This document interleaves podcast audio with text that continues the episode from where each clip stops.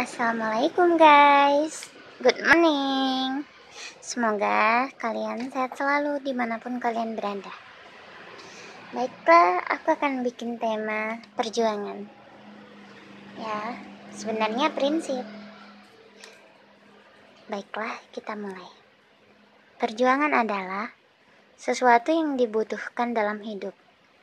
Jika Tuhan membiarkan hidup tanpa hambatan dari perjuangan, itu mungkin akan melumpuhkan kita.